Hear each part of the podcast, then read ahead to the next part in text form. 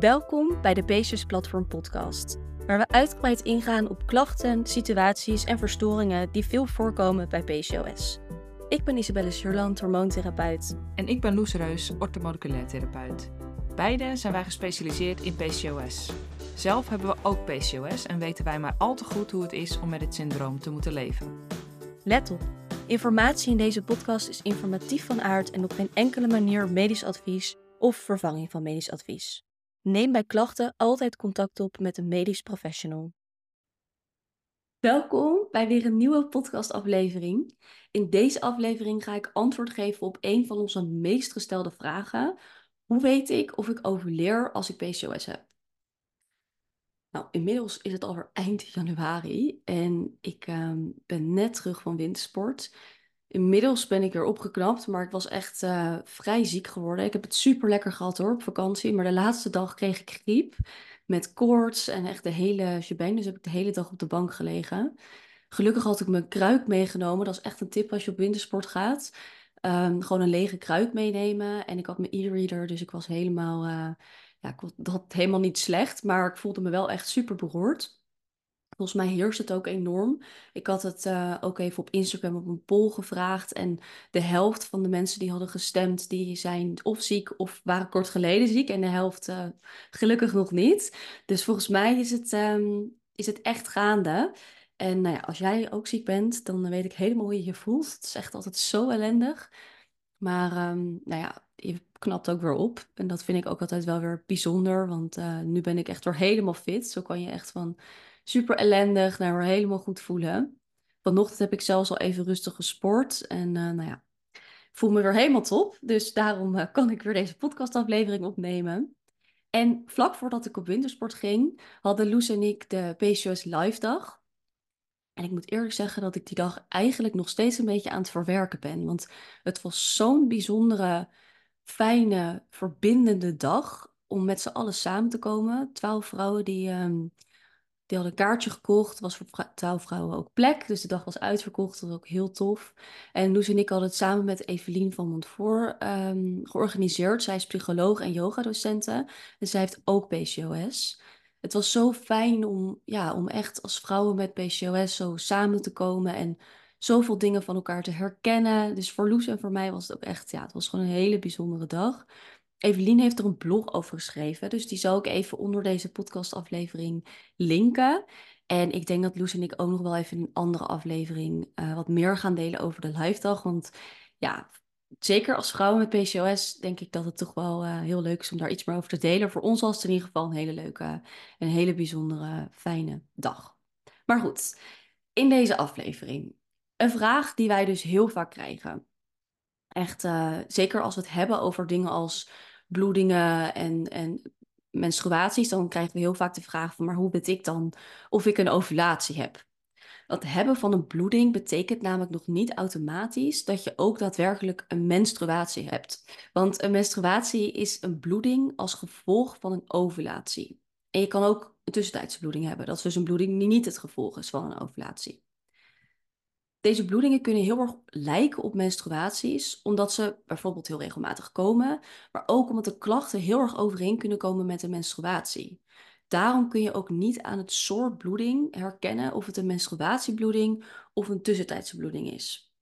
En of je nu een kinderwens hebt of niet, dat maakt in deze kwestie niet zo heel veel uit, want het hebben van een ovulatie is echt essentieel. Want dat is ook waar het bij PCOS vaak om draait. Um, het verkrijgen van een goede ovulatie. Dus hoe weet je nou of die ovulatie heeft plaatsgevonden voor die bloeding? Dat kun je achterhalen door je cyclus te tracken aan de hand van je basale lichaamstemperatuur. Het tracken van je cyclus op deze manier wordt de FAM, de Fertility Awareness Method, genoemd. Deze methode wordt ook ingezet als vorm van anticonceptie, maar daar doelen wij uh, hier niet op. Als de ovulatie namelijk plaatsvindt, dan springt er een rijp eitje vanuit het eiblaasje naar de eileider. En het lege eiblaasje vormt zich dan tot een klier en dat gaat het hormoon progesteron aanmaken. Progesteron verhoogt de basale lichaamstemperatuur, dat noemde ik net ook al even, en dat is je lichaamstemperatuur in rust.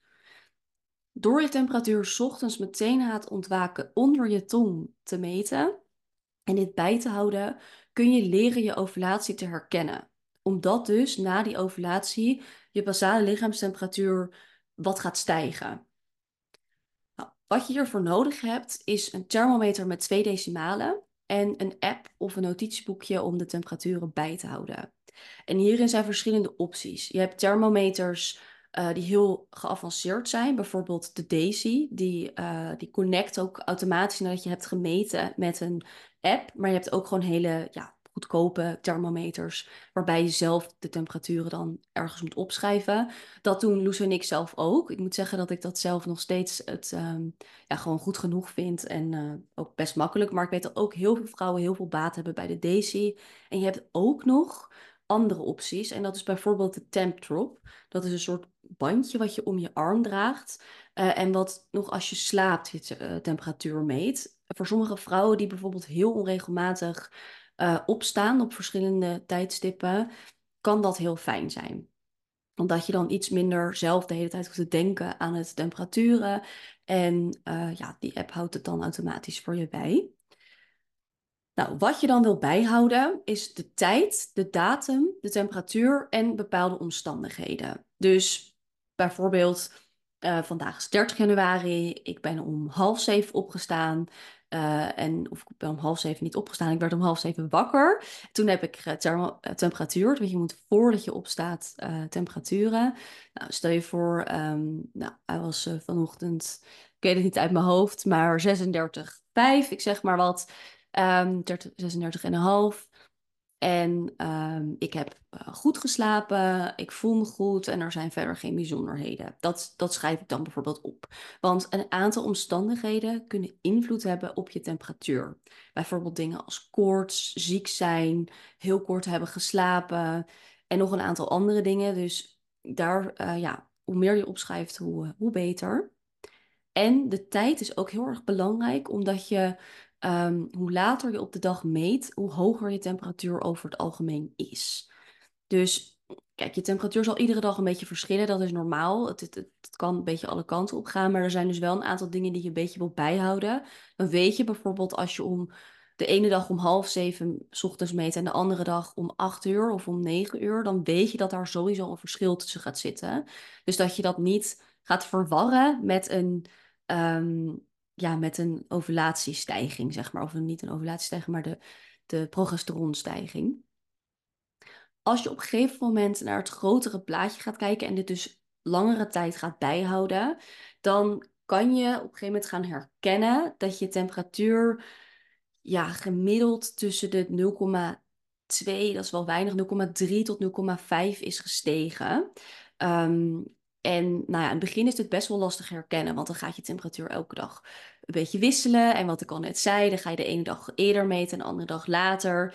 Maar op een gegeven moment ga je de bigger picture hierin een beetje zien. En dan ga je bijvoorbeeld zien van, nou, gemiddeld zie ik dat um, ja, op een gegeven moment mijn temperatuur met 0,3 tot 0,5 is gestegen. Als ik het vergelijk met dezelfde tijdstippen van daarvoor.